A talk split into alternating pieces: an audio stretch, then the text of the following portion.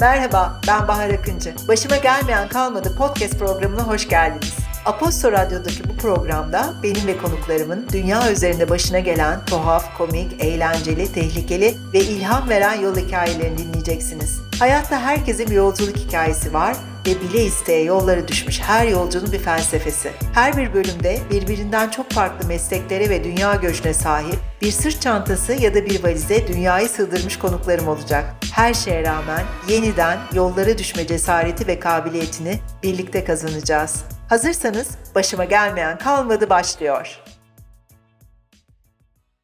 Başıma gelmeyen kalmadı podcast programına hoş geldiniz. Bugün benim için çok özel bir gün. Çünkü seyahat yazarlığı, dergi editörlüğü ve sonrasında da gastronomi turu rehberliğine kadar giden kariyerimi başlatan kişilerden biri karşımda. Dünyanın en ünlü seyahat kültürü dergisi Travel and Leisure'ın yayın yönetmenliğini yapmış. Şimdilerde de kendi seyahat ve yaşam kültür dergisi WhatsApp Max'i yayınlayan gazeteci yazar sevgili Özgür Gezer karşımda. Özgür hoş geldin. Hoş bulduk Bahar. Nasılsın? Böyle yağmurlu, zorlu bir günde stüdyoya geldi. Çok teşekkür ediyorum öncelikle sana. Seninle ilk karşılaştığımız güne gideceğim aslında ve dün gibi hatırlıyorum o anı. Uçak ile İzmir'den İstanbul'a kolumda bir çantayla gelişim, Travel Leisure'ın Kuruçeşme Kayıkhanesi'ndeki ofisinden içeri girişim ve ben derginize yazar olmaya geldim değişim. 20'li yaşlarda yeni yetme bir kız yaşam kültürü, sanat, uzaklar, yakınlar, sergiler, sinema ve iyi bir seyahat yazısı nasıl olmalıdır'a dair ne öğrendiyse senden ve sevgili Zeynep Erekli'den öğrendi. Çok uzun bir cümle oldu ama gerçekten senden çok şey öğrendim. O günlerle ilgili anıların var mı senin de? çok zarifsin Bahar'cığım gerçekten. O günü ben de çok net hatırlıyorum. Çünkü çat kapı bir anda yazar olmaya çok hevesli bir insan geliyor ve bu aslında daha sonraki yıllarda seni takip ettiğim gittiğimde de ne kadar kendine çok şey katan ve nasıl yol alan bir insan olduğunu görmek benim için çok güzeldi. Yani, çok teşekkür ederim. E, sen bizi o gün evcilleştirdin. Yani birisi girdi içeri ve aman Allah'ım ben and Leisure yazarıyım diye giren bir insan. Onu nasıl reddedebilirdim ki? e, Zeynep'le de çok e, gülüyoruz bununla ilgili. E, Zeynep de bu ne özgüven diye düşünüp sonrasında da gerçekten anladınız ki Zeynep de sen de gerçekten öğrenmeye aç biri var karşınızda ve ne e, anlatsanız sünger gibi kapıyor. Dramatik yazarlık eğitimi aldım üniversitede ama yayıncılıkta Türk dili nasıl kullanılır, nasıl cümle kurulur, nasıl okur, tabiri caizse avcunun içine alınır, nasıl sürükleyici bir seyahat, kültür, sanat yazısı yazılır bunların hepsini sizden öğrendim. Çok teşekkür ediyorum ama sen bu arada çok donanımlı bir eğitimden geliyorsun. Nasıl karar verdin seyahat dergilerinin yazı işlerinde çalışmaya? Ya aslında e, Boğaziçi Üniversitesi'nde siyaset bilimi ve uluslararası ilişkiler okudum. Ama Diyorum hiç, donanımlı yani, diye. Diplomat kumaşı yoktu bende. Ona karar verdiğim anda zaten daha okurken Kozmo Girl olarak ben basına girdim. İlk Kozmopolitan dergisinde çeviriler yaparak vesaire. Kozmopolitan dergisinde cadılık üzerine yazılar yazarak vesaire. Ve daha sonra Travel and Leisure dergisine düştü yolum ve seyahat yazarlığı o dönem yani birçok insan için aslında rüya meslek gibiydi. Yani hem geziyorsun hem tozuyorsun hem para kazanıyorsun. Çünkü sosyal medya e, yok, influencerlık kavramı yok ve seyahat edebilmek için hani yazarak e, veya fotoğraf çekerek seyahat edebilmek için fotoğraf eğitimin varsa e, yazarlık için de tabii ki bir background gerekiyordu. Genel kültür, e, sanat, dünya görüşü ve bunları da sahipsen hele ki yolun bir dergiden ve kalbur üstü kabul görmüş bir dergiden geçiyorsa gerçekten rüya meslekte. E, 2000 yılların herhalde ortaları mıydı bu söylediğim? 2010 bu dediğim yılı 2000, falan. 2000 yılından itibaren, evet, itibaren 2000, aslında. Ben de 2012'de falan gelmiş olmalıyım dergi. 2011. Evet, zaten 2015 gibi de e, dergicilik sektörü biraz e, böyle bir çıkmaza, darboğaza girdi. Ve yani biraz ölmeye doğru gitti diyebilirim. Ya öldü mü sence basılı yayınlar? Yani aslında e, bir form değiştirdi diyebilirim. Tamam yani ne evet ne hayır bunun cevabı. Şöyle diyebiliriz. Bir kere sosyal medyanın gelişiyle çok ciddi sarsıldı. Ama zaten yani dergi için yazı yazmak şöyle bir şey. 50-100 yıl öncesinin sosyal medyası gibi aslında dergi düşündüğün zaman. Çünkü sana böyle haplaştırıyor bir takım bilgileri. Yani roket bilimini, uzay bilimini bile sana haplaştıran şey nedir? Aslında popüler kültürün hani oluşmasını sağlayan şey, en temel şey dergiciliktir. Ve ben dergiciliği o anlamda çok sevdim sevdim ve çok hani bir ustam olmadı aslında. Ben hani o usta çırak ilişkisini çok yaşamadım dergicilikte. Aslında dergiciliği kendim emekleyerek öğrendim fakat çok sevdim. Çünkü bir konuya çok böyle e, derinlemesine girip çıkmanızı sağlayan yazılar yazabilirsiniz dergicilikte. Yani hem popülerdir hem poptur yani hem lokmadır yani kolay yenilir yutulur lokmadır ama aynı zamanda da hayal kurdurur. Ve bir fikir verir bir konu hakkında merak ettiğim okur da- tarafından bakarsam da. O anlamda iyi içeriğin öleceğini düşünmüyorum. Yani zaten başka şekil değiştirmiş olarak başka mecralarda devam ettiğini görüyoruz. Evet sosyal medya e, çok etkin, çok baskın şu anda ama müthiş bir gürültü ortamı da yarattı aynı zamanda sosyal medya ve bu gürültünün içine neye kulak vereceğini insanlar bilemez hale geldi. Mesela burada şey devreye girdi. Ben ne okumalıyım, yani nasıl takip etmeliyim gündemi? Çok fazla veri, çok fazla uyaran var. Mesela Aposto gibi yayınlar, bir takım newsletterlar türedi bunlar size yine aslında 50 yıl öncesinde dergilerin yaptığını yapıyor. Ne yapıyor? Yani haplaştırarak o günün veya o anın gündemini size ulaştırıyor. Evet bunu yaparken de şöyle bir fark var. Akıl süzgecinden, mantık süzgecinden geçiriyor. Daha objektif e, bir yayıncılık yapma ilkesi gidiyor. Özellikle de her günkü bültenleri aynı zamanda bir de canlı sabah 6.30'da podcast olarak veriyor. O açıdan da aslında Aposto'yu e, bütün e, dinleyiciler ve okurlar olarak çok seviyoruz. Evet ben de severek takip ediyorum. Bunun dışında sana sormak istediğim bir şey var. Bütün bu dergi yayın yönetmenliği, yazı işleri müdürlüğü ve hatta muhabirliğe kadar inen kariyerin sonucunda e, şu anda kendi yayınını çıkartıyorsun. Çok beğendiğim bir seyahat ve yaşam ve insan kültürü dergisi WhatsApp Max. Biraz bahseder misin? Tabii çok teşekkür ederim. Ee, WhatsApp Max aslında tam o dediğim tarihlerde doğdu. 2017, 2016, 2017. Biraz şahsi bir proje olarak doğdu. Yani arkasında büyük bir yayın grubu yok vesaire. Sadece benim e, hayallerim, özlemlerim ya da işte bu işin nasıl yapılması gerektiğine dair fikirlerim ve biraz umutlu hikayeler peşinde koşma isteğim vardı. Aslında bundan oluşuyor dergi. Yani İstanbul'a uğruyor, Latin Amerika sayısı yaptım, en son Afrika sayısı yaptım. Bir takım röportajlar yapıyorum işte kültür sanat var içinde, seyahat var. Yemek var, Yemek şefler var, Yani bana ümit veren hikayeler. şarap kültürü var. Evet yani bana ilham veren hikayelerin ve insanların peşinden koşuyorum ve onları bir kenara çekip bir dakika yani sen ne yapıyorsun diyorum. Çok güzel röportajlar var içinde ve beni benim ilgimi çeken O konular var. hikayeler emin ol bize de çok e, ilham veriyor. Ben çok severek takip ediyorum. Yılda dört defa yayınlanıyor e, Evet. WhatsApp Max ve e, gerçekten internetten WhatsApp Max yazarak Google'a çok rahatlıkla bulup ulaşıp okuyabileceğiniz çok güzel bir dergi. Ama senin hayatın dergiyle sınırlı değil. Ben biliyorum ki gerçek bir seyahat seversin, bir gezginsin ve gerçek seyahat ruhu nedir senin için? Aslında bunu seyahat dergilerinden ayrıldıktan sonra ben anladım. Çünkü soyadımı biliyorsunuz Özgür Gezer. Gezer. İsmiyle müsemma bir insanım ama bir süre sonra tabii e, işin mutfağındaydım ben daha ağırlıklı olarak. Tabii ki seyahat ediyordum. Tabii ki ben de yazı yazıyordum ama yazı işleri müdürlüğü olarak bir planlama, işte yazarları görevlere e, assign etme, gönderme vesaire böyle bir takvimi var işin ve çok el oyalayıcı. Fakat e, şey hatta o dönem Şenol Altun diye bir e, fotoğrafçımız vardı. Çok iyi bir moda fotoğrafçısıdır.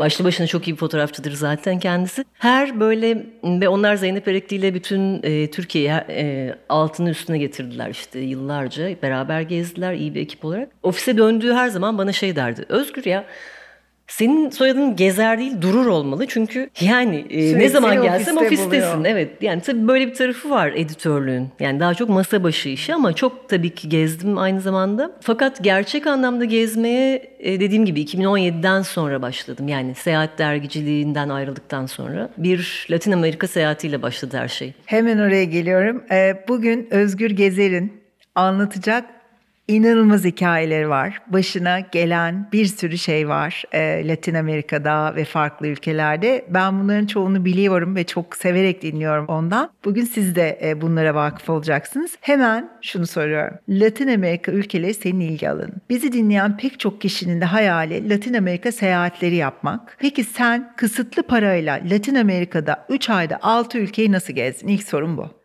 Evet, banka soyduk. Yok, soymadık. E, banka kredisi çektik. Çünkü o dönem hani ben dergideki işimden ayrılmışım. Eşim e, bir yıllık ücretsiz Yıl izin- kaç? izine çıkmış. 2017 senesinde. Biz önce e, bir eşimin doktora programının değişim programı için İspanya'ya gittik. Ve İspanya'nın güneyinde bir dört ay dil kursu aldık. İspanyolcayı ilk kez öğrenmeye başladım. Sonra yani bu kadar Latin Amerika'ya şu an buradan ulaşmamız daha kolay. Buraya kadar gelmişken, buraya kadar İspanyolca da öğrenmişken. Aslında tabii ki yani İspanya ile Latin Amerika arasında yakın bir bağ var. Çünkü hani uçuşlar daha uygun fiyatlı. Mesela Barcelona'dan, Madrid'den, Buenos Aires'e olsun, Sao Paulo'ya olsun uygun uçuşlar bulabiliyorsunuz. O yüzden bize hani doğal bir uzantısı gibi geldi İspanya'dan sonra Latin Amerika seyahati yapmak. Zaten hep içimizdeydi ve yani oradaki akademik takvimi tamamladıktan sonra 3 aylık bir seyahate çıktık. Evet. 3 aylık bir seyahat. İlk nereye gittiniz? Önce e, Buenos Aires'e uçtuk tabii ki. Kolay uçuşlar var işte hem Barcelona'dan hem Madrid'den. Daha sonra bir yol çizdik. Bu yol aslında e, birçok Latin Amerika'yı uzun aylar boyu seyahat eden birçok gezginin izlediği rota aşağı yukarı aynı. Nasıl bir rota o? Yani e, baktığın zaman genelde yollar kesişiyor. İşte Buenos Aires'ten giriliyor. Ondan sonra tabii ki bir Patagonya'ya iniliyor. İniliyor. Oradan Şili, göller bölgesi, oradan tekrar yukarıya doğru tıngır mıngır çıkılıyor. Santiago, Şili'nin başkentinden yukarıya çöle doğru gidiliyor. Orada bir takım maden kasabaları var tam Bolivya sınırında. Ve asıl amaç orada Bolivya'ya geçerken bir çöl tecrübesi yaşamak. Atakama Evet, Çölü. Atakama Çölü. Ya birçok insan onu yapıyor. Kimisi jiple gidiyor, gece yıldızları izlemek için işte kamp kuruyor falan. E, biz de bu yolu izledik. Tabii jiple geçmedik, otobüsle geçtik. Evet şimdi onu soracağım. Latin Amerika'ya hiç gitmedim. Çok istiyorum gitmeyi ama Latin Amerika'da e, ile ilgili anlatılan şeylerin en başında otobüslerin çok konforlu ve çok sık olduğu. Yani hepsinin konforlu değilse bile ülkeler arası olanların konforlu olup şehir içi olanlarında, şehirler arası olanlarında çok sık gerçekleştiği seferlerin ve genellikle insanların hep otobüste seyahat ettiği yönünde. Evet biz de çok otobüsle seyahat ettik zaten fakat mesafeler inanılmaz uzun.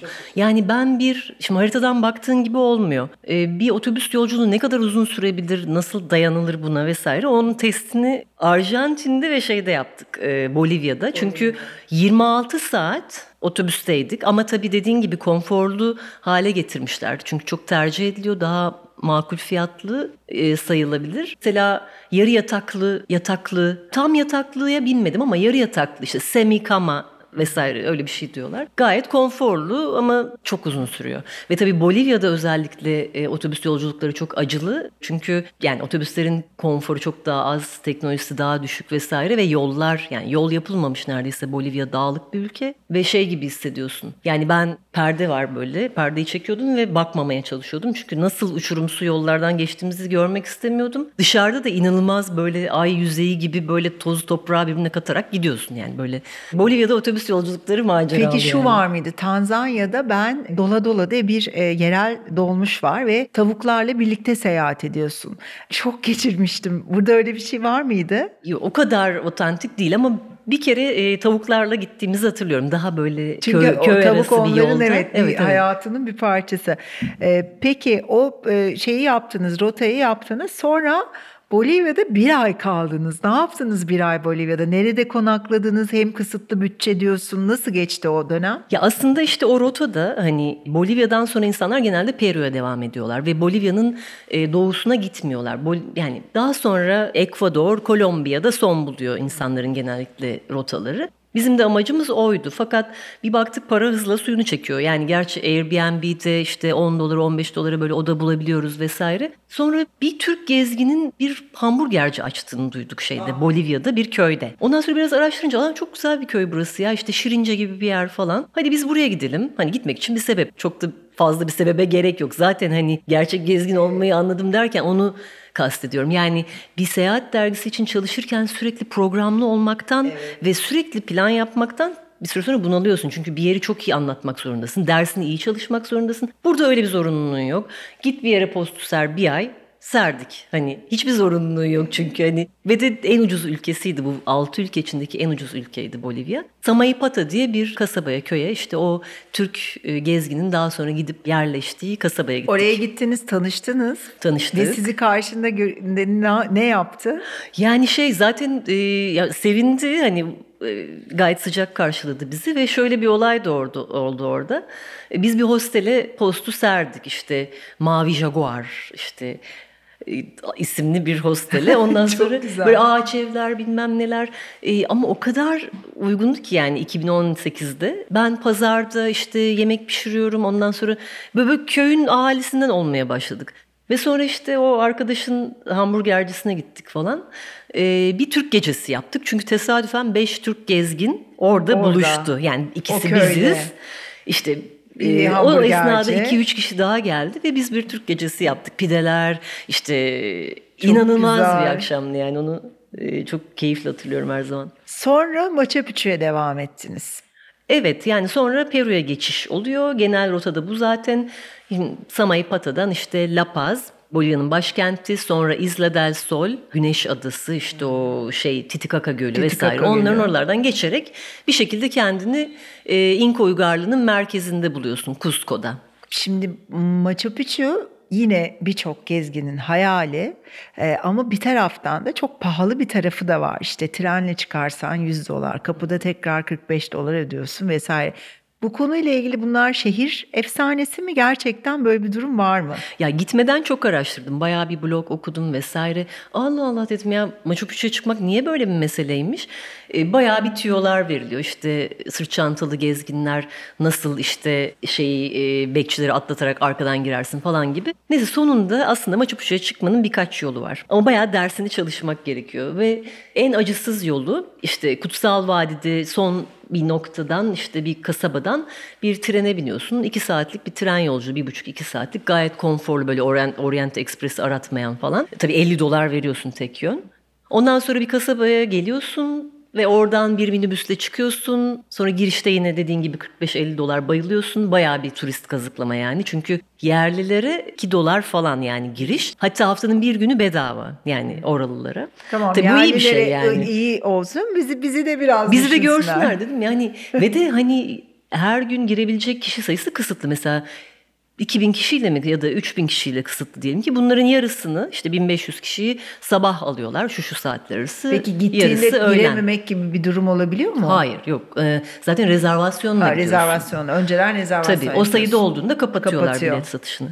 Neyse o dediğim acısız yol.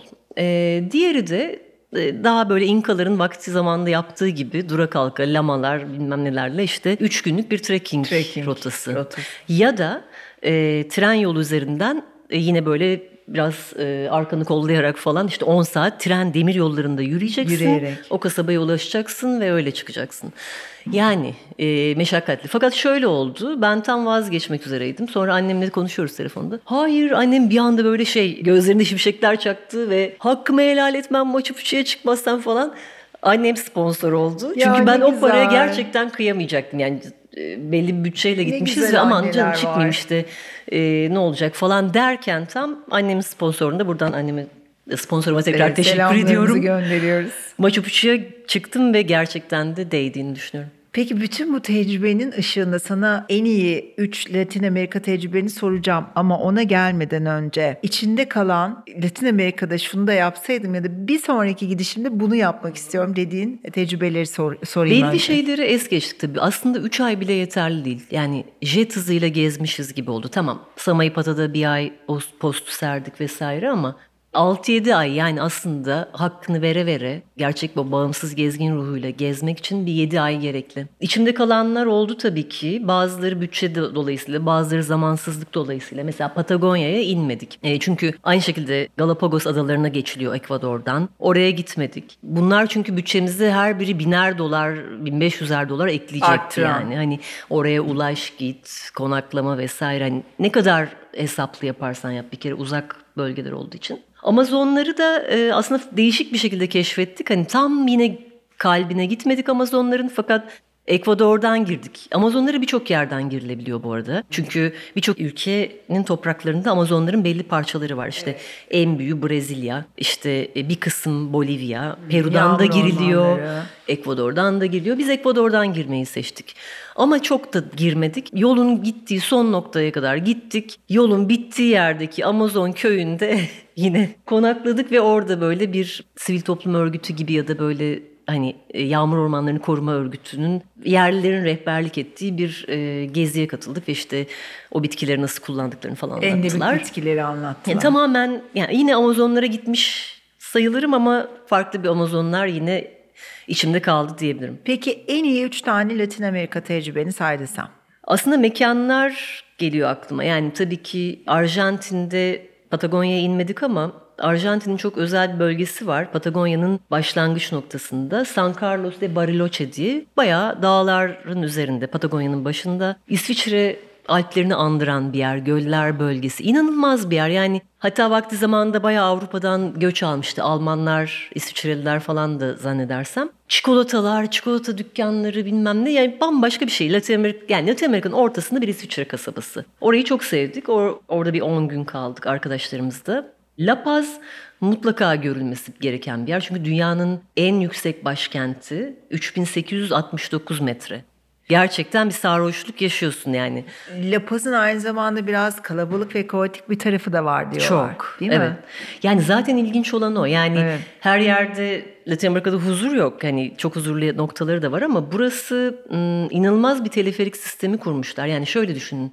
Birkaç tane vadinin çok sarp vadinin kesiştiği bir yerde kurulmuş ve yani o vadi yamaçları böyle dimdik yükselen vadi yamaçları olduğu gibi gece kondu. Fakat şöyle bir şey yapmış aslında e, belediye ya da işte hükümet neyse. Böyle 7-8 tane teleferik hattını birbirine bağlamış. Mavi, beyaz, kırmızı hat bilmem ne. Ondan iniyorsun, ona biniyorsun. Ondan iniyorsun, buna biniyorsun. Metro her gibi şey aslında. metro gibi. Fakat teleferik çünkü hani kazamaz, edemez. Evet. Her şeyi tepeden bakmanın çok böyle garip bir şeyi vardı. Yani o hayatları tepeden görmenin e, ve çok övünüyordu şeyler. Bolivyalılar bu şey sistemleriyle. Sistemle.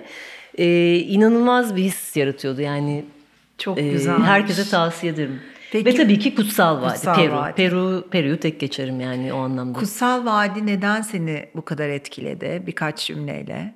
Ee, yani hala gerçekten her ne kadar mesela İspanyol sömürgeciler bitirmeye çalışsa da oradaki kültürü bitmediğini görüyorsun. Mesela yerli kültürünü çok otantik haliyle görebileceğin fazla yer yok Latin Amerika'da. Tamam var tabii ki yaşadığı yerler ama mesela Arjantin, Uruguay buralarda kesinlikle yerli kültüründen çok fazla iz göremezsin. Yani bunun için Bolivya'ya, Peru'ya gitmen Peru'ya lazım. gitmen gerekiyor. Yani o çok hala yüzyıllar öncesindeki o yaşayışın Yaşayış. aynen teraslar, Aynı İnkalar, yani İnkalardan aynı kalma yemekler. bir sürü şeyi hala inanç sistemlerinin devam ettiğini görmek ilginç. Gelelim Uruguay'a. Uruguay'da iki yılını geçirdin ve Uruguay'da oturuma başvurdun. Nasıl gerçekleşti bu? Evet yani bu biraz e, Nasıl bir macera, nasıl bir hikaye? Güzel bir maceraydı. Biraz hani uzaya gitmek gibiydi benim için. Aslında nereden yola çıktık? Bir ara Uruguay tabii bir de hatırlarsın Türkler arasında çok popüler olmuştu. Evet Bunun- çünkü devlet başkanının yaptığı bir açıklamadan sonra Evet yani bunun baş e, mimarı Pepe Muhica'ydı. Daha sonradan hani Vosvos'uyla da Türkiye'ye gelip Evet. e, gezen vesaire oradan Evet. hatırlayabilir dinleyiciler. Pepe Mujica böyle bayağı popstar gibi bir figür hani Uruguay'da gerçekten. Fakat biz de 2017'den önce hatta 2015 gibi falan o zamandan beri Uruguay'ın hayalini kuruyorduk. Çünkü Pepe Mujica'nın bir konuşmasını ya da bir açıklamasını dinlemiştik. Ve gerçekten bize çok hitap etmişti. Yani şöyle diyordu. "E, Çılgın dünyayı yani çılgın kafayı yemiş bir dünya var ve orada gerçekten dünyanın yetenekli insanları hani gerçekten e, güvenli bir liman istiyorsanız buyurun gelin Uruguay'a. Burada Uruguay'a. size yer var tarzında çok garip bir açıklaması vardı. Çünkü bunun nedenini Uruguay'a gidince aslında biraz anladım. Çünkü çalışmayı pek sevmiyorlar tamam mı? E, Peki bayağı- bu sözlere bu sözlere kanıp kaç Türk gittiniz Uruguay'a? Valla herhalde yüzü geçmiyoruz herhalde. Geçmiyoruzdur. Orada bir WhatsApp grubumuz da var. Böyle 20 kişilik falan. Montevideo'da yaşayan Türkler. Zannetmiyorum çok olduğunu. Çünkü e, zaten elçilik bile daha yeni açıldı. Yani elçilik yoktu. Hmm. Türk elçiliği. E, Buenos Aires bakıyordu e, Uruguay işlerine de.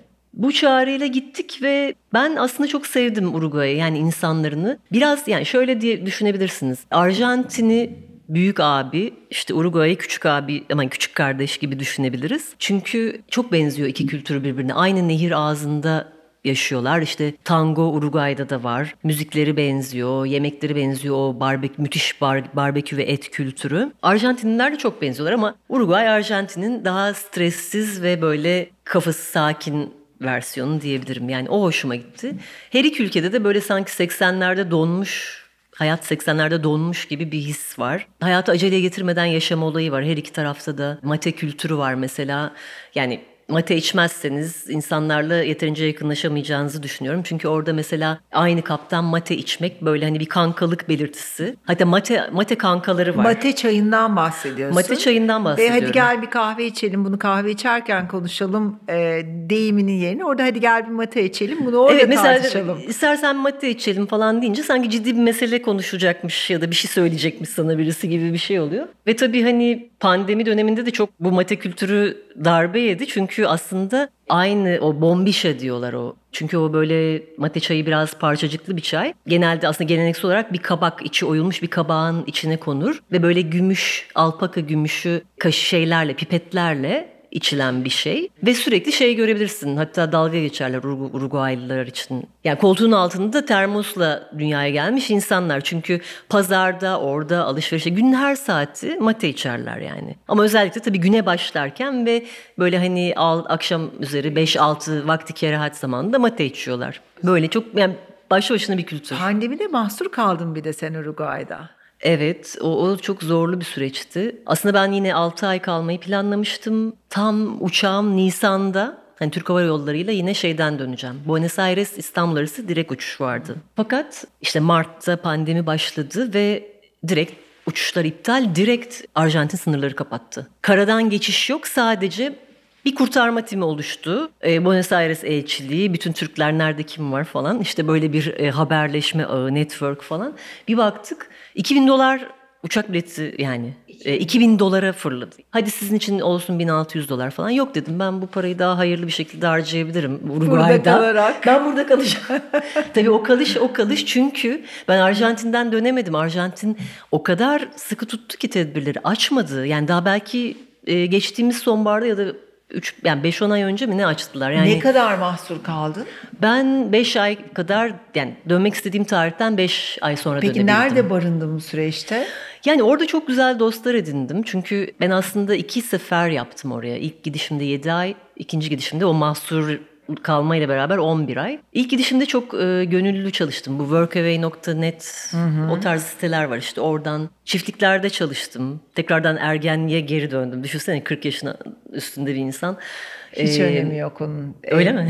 Daha geçenlerde bununla ilgili bir yazı hazırladım gazetede. Tamamen bunu anlatan işte Tatuta Buğday Derneği, Backpackers Work vesaire gibi sitelerin yeniden ne kadar çok rağbet başladığını yani Türkiye'de korkunç bir pahalılık başladı ama dünyada da ekonomi e, anlamında e, seyahat kültürü anlamında ciddi masraflı hale gelmeye Tabii. başladı. Bunlar o çok yüzden, kolaylaştırıyor evet, hayatı. Evet. Ama kolay olmadığını söyleyebilirim. Çünkü o gurbet duygusunu da ilk kez orada yaşadım. Yani ben 6 ay içinde böyle bir 3-4 tane çiftlikte çalıştım. Mesela ilk gittiğim çiftlikte şey el sıkışıyorum çiftliğin sahibiyle. Onlar da bayağı böyle neredeyse Avrupalı aristokrat, İsviçre kökenli İtalyan İsviçreli kökenli falan bir aile ama Uruguay'la bağları olan bir aile ve sonra işte neyse çiftlikte camlarını idam ettiriyorlar. El sıkıştık ve şey dedi kadın bana. Ellerin ne kadar yumuşak dedi. Ben böyle bir an tabii hep masa başı Çünkü hiç eli kol emeği gerekiyor. sarf etmeden hep hayatını kalemle kazanmış bir insan olarak bu bana çok çarpıcı geldi ve aslında o anlamda Uruguay benim için çok ilginç bir tecrübe oldu. Yani neler yaptınız çiftlikte? Nasıl bir süreçti? Ot yolmaktan tut işte ben yani şey birkaç yerde mesela e, doğal ev yaptık böyle e, ah. şeyden e, samandan kerpiçten bilmem böyle şişeleri dizerek işte bilmem ne şey yaptık ot yoldum ondan sonra şey yaptım e, bir çiftlikte sadece yemek pişirmek benim görevimdi böyle 10-15 kişiye hani onların çalışanları aile falan haftanın 5 günü bayağı menü çıkardım ve o dönem Türk mutfağını daha iyi tanıdım biliyor musun? Çünkü yani kendi aileme pide yapmamış bir insan olarak ben orada pide yaptım. Of. Elin e, Uruguaylısını, İsviçrelisini. Peki başka hiç ne bileyim çi zeytinyağlılar, çi börek yaptın, zeytinyağlı ya da belki et de pişiriyordun onlara. Yani pilav, eti daha çok et şey büyük mı? babanın sorumluluğundaydı. Pilav hani, yaptın mı? Yani yoğurt çorbası çok ilginç geliyordu onlara mesela. Hmm. Çünkü yoğurtla olan ilişkileri bizim gibi değil. Hani çok farklı. Yoğurdu böyle hani tuzlu bir şey olarak onlara verdiğinde tükürebilirler yani. Daha tat, Genelde tatlı, tatlıyla, meyveli falan öyle tüketiyorlar. Evet, Alıştırdım yani yoğurt öyle. çorbasına falan insanları ya da yoğurtlu mezelere. çok güzel ya. Peki e, oturma nasıl başvurdun? Aslında e, Uruguay'da oturum birçok ülkeye göre öyle çok meşakkatli değil. Mesela Şili'de falan daha zor bildiğim kadarıyla veya dünyanın başka herhangi bir yerinde. Uruguay 3,5 milyonluk bir ülke. İşte 1,5 milyonu başkent Montevideo'da yaşıyor. Ve gerçekten insan gücüne ihtiyaçları var. E, onu görüyorsun. İşte başvuruyorsun, böyle gidiyorsun turist olarak. Ondan sonra diyorsun ki ben burada bir süre yaşamak istiyorum. Belki iş bakacağım, çalışabilirim falan. Tak sana böyle 10 günde bir kimlik kartı veriyorlar. Oturma izni. Ve iki yıllık bir oturum veriyorlar. Oturma izni veriyorlar. Tabii bu zorlaşmış olabilir ben başvurduğumdan bu yana. Bir yana. 2017'de böyleydi. Oturumu devam ediyor mu hala? Ama tabii ki e, şey yapman lazım. Evet devam ediyor. Peki çalışma izni de var mı bunun Çalışma yanında? izni de var ama iş yok. Yani çok çünkü nasıl diyeyim çarkın dönmedi. Çok küçük bir ülke. Yani ekonomi çarkları dönmüyor gerçekten baktığın zaman nüfus az olunca. Belki de Pepe'nin e, bizi davet etme sebeplerinden biri bu olabilir. Bana öyle geliyor evet. Yani şey batan geminin malları şeklinde. Peki bütün yolculukların boyunca en korktuğum 3 an dediğin anlara gelelim şimdi. Vay vay vay. Ee, üçü bilmiyorum dur bakayım bir düşüneyim. Yani aslında çok güzel başlayan bir seyahat vardı çok eğlendiğimiz. Ee, bir anı vardı ki bayağı üç buçuk attığımız onu anlatayım. Bulgaristan'da çok ilginç bir yayla müzik festivali, böyle alternatif bir müzik festivali buldum ben. Meadows in the Mountains diye.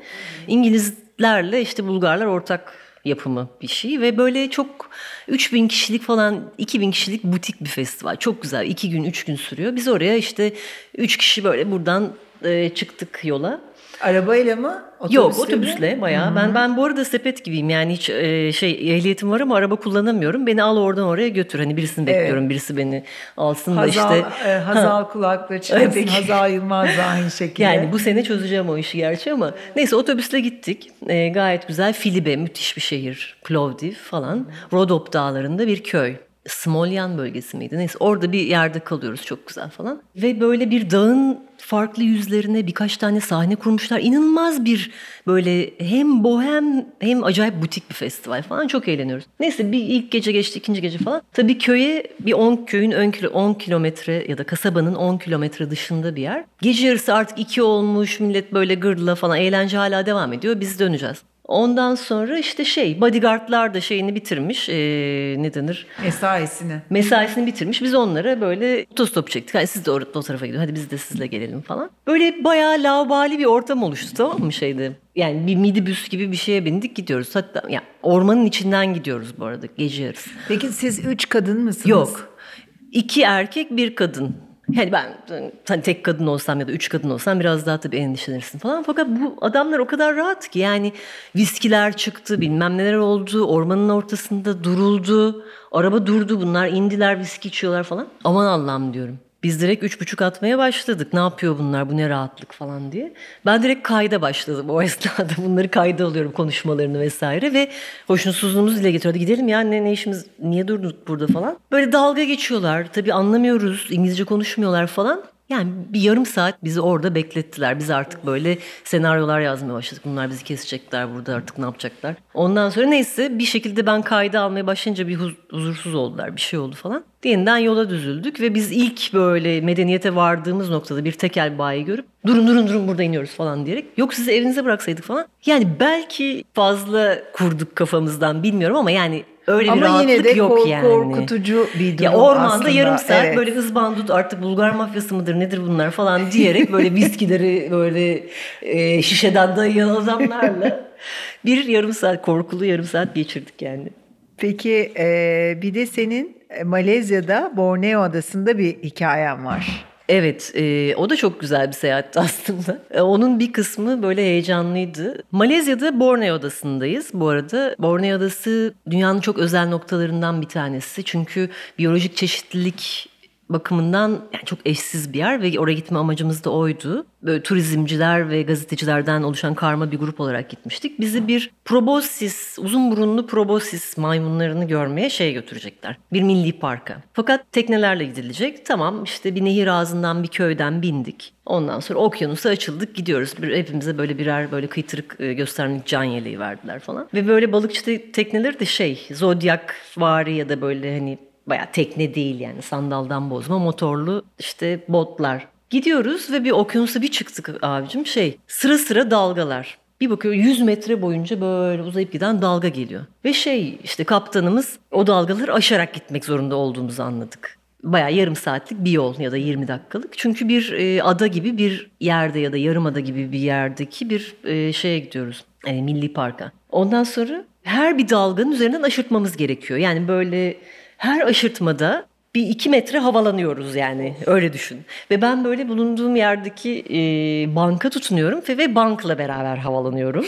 yani böyle bir tutunduğumu zannediyorum fakat yani ondan sonra biz o karaya nasıl vardığımızı bilemedik. Yani 15-20 dakika mıydı bana bana 2 saat falan gibi geldi o. Hadi dönüş o dalgalara karşı değil. Dönüş o kadar kötü değildi sanırım çünkü gel git zamanıydı ve biz dönerken daha, daha sakin, sakin bir denizde bir gittik. Zamanda. Yani tam en civcivli zamanında inmişiz yani. Onu hiç unutamam gerçekten orada. Peki en güldüğün iki anı söyle bana. Bütün e, seyahatlerin, yolculukların böylesi. Mesela benim bildiğim bir tane Como Gölü'nde olan var. Ee, evet yani o ben bir dönem yat dergilerinde de çalıştım. Yelken ve yat dergilerinde ve amatör denizci işte eğitimlerimiz falan eğitimlerini de almıştım. Fakat hiç motor yat kullanmamıştım. Fakat işte Selva motorları işte böyle bir motor üreticisi İtalyan. Bunların bir daveti oldu ve bir motor testine. Nereye gittim? Como Gölü'ne gittim. Oh. Dünyanın en güzel yerine motor testi. Evet tamam ben böyle kurt denizci şeklinde. Tabii yeni öğreniyorum. Yeni bebek adımlarıyla öğreniyorum. Fakat hepimizi böyle işte yine bütün dünyadan, Avrupa'dan gazeteciler gelmiş. Herkesi motorlu yatlara böyle paylaştırdılar. Koma Gölü'nde onları test edeceğiz işte. 3 metrelik, 5 metrelik neyse işte 2 metrelik yatlar. Sonra e, ben çekiniyorum tabii. Sonra böyle 60-70 yaşlarında kurt böyle İskandinav e, denizci abiler vardı işte yelken dergilerinde editör vesaire. İşte ya bir şey yok ya işte şunu şuna takıyorsun buradan böyle yapıyorsun hop gidiyoruz işte ne var hani e, ben ki hani böyle bisikletle yokuş aşağı inemeyen e, snowboard kayak mayak yapamayan böyle hız adrenalinle falan hiç işi olmayan bir editör parçasıyım yani anlatabiliyor muyum? Ve ben orada bir güzel e, burnunu kaldırarak e, milleti yani yaldır yaldır bir sürüşüm var o motosiklet böyle uzaktan şey George Clooney'nin villasına el sallayarak tabii Selma motorları temsilcisi böyle için çok komik bir an değildi o ama benim için hatırladığım ve hep hatırlarken güldüğüm bir an olarak bir kaldı. Bir de Paris'te bir hikaye var. O da yine moto, bu o da motosikletle ilgili. Evet hep e, ben motorlardan gidiyorum anladığım kadarıyla. Bir kere Paris'te frankofon değilseniz işiniz çok zor. İlk Paris seyahatimde e, acayip sıkıldığımı hatırlıyorum. Çünkü sosyalleşemediğimi hatırlıyorum çok fazla bundan dolayı. O zamanlar Fransızcam iyi değildi. Ve aynı zamanda Paris seyahatine yalnız çıkma gafletinde bulunduysanız da yani. Şimdilerde Fransızca iyi anladığım kadarıyla. Yani şu an en azından idare edebilecek kadar hani süper diyemem ama İspanyolca kadar olmasa bile en azından iletişim kurabilirim. Ve şey 3-4 gün çok sıkıldım. Tamam müze gezmesidir, işte pazar yeridir, parfümcüdür vesaire. Kendimce e, kendimi oyaladıktan sonra ama sonuçta aslında seyahatlerin en önemli tarafı insani temaslar bir yandan da. Ve bunu Paris'i bu konu çok açık bulmadım. Bunu bunu frankofonlukla ilgili görüyorum aslında. Ve tabii döneceğim. Son gün işte Paris'in tarihi bir caz barını buldum. La Cavo de Houchet mi ne öyle bir ismi var. Doğru telaffuz etmiyor olabilirim. Bir böyle 16. yüzyıldan kalma bir böyle e, mahzenimsi aşağısında şeyleri olan e, bir kısmı olan böyle yeraltı dehlizleri sahne orada. Hatta bu bar e, bu La La La Land Evet. E, bu o filmde falan da işte piyon şeyin hmm. Ryan Gosling'in piyano çaldığı çaldı. bar. Hı-hı. Ondan sonra fakat burası e, inanılmaz bir böyle swing komünitesinin de merkezi. Böyle bir gittim. Tamam dedim buldum ben kendi camiam yani kimseyle tanışmasam bile ya da işte sohbet etmesem bile orada kalabalığın içinde kayboluyorsun ve işte böyle acayip kıyafetleriyle gelmiş böyle e, 40'lar 50'ler Paris Parisyen havalarda evet. swing dans yapan insanlar var çevrende. Ve orada tabii Faslılar ve Brezilyalılarla kanka oldum ben de. Yani e, Parisliler pek yüzüme bakmadı. Gecenin sonunu anlatayım ve tamam çok güzel bir uzun bir dans gecesinin sonunda işte Faslı yeni kankamla işte oradan çıkıyoruz. Fakat bir eczane, nöbetçi eczane bulmam lazım. Beni evime bırakacak. Gecesi iki vesaire. Motosikleti varmış arkadaşın. Tamam dedi hadi gel eczane bakalım sana. Ve biz nöbetçi eczane ararken bütün Paris, ben böyle bir panoramik Paris turu görmedim. Oh, yani muhteşem. e, şöyle söyleyeyim sana ya o La La La Land'i aratmayacak. Böyle sanki bir dekorun içinde geziyormuş hissi işte. Harika. Motosiklette iniyoruz. Zzzz, işte e, Şanzelize'den indik. İşte Zafer Takı'nın etrafından dön. Burada yokmuş e, eczane. Hadi şimdi sen erinden şuraya Sen çıkalım. bulamayalım Ve en son Moulin Rouge'u gördüm ve tamam dedim yani teşekkür ederim Evren. Evet. Yani böyle bir Çok Paris güzel gezisi yok. hikayeymiş. Yavaş yavaş toparlayalım. Buraya gelen bütün konuklarım çok güzel hikayeler anlatıyor ve ben her, e, hepsine diyorum ki hani diyeceksin herkese aynı şeyi söylüyorsun ama gerçekten herkese bunu hissederek söylüyorum. Sabaha kadar dinlerim seni diyorum. Seni de aynı şekilde Özgür. Ama son birer cümle cevap vereceğin bir soruyla bitirmek istiyorum. Sonra teşekkür faslına geçeceğim.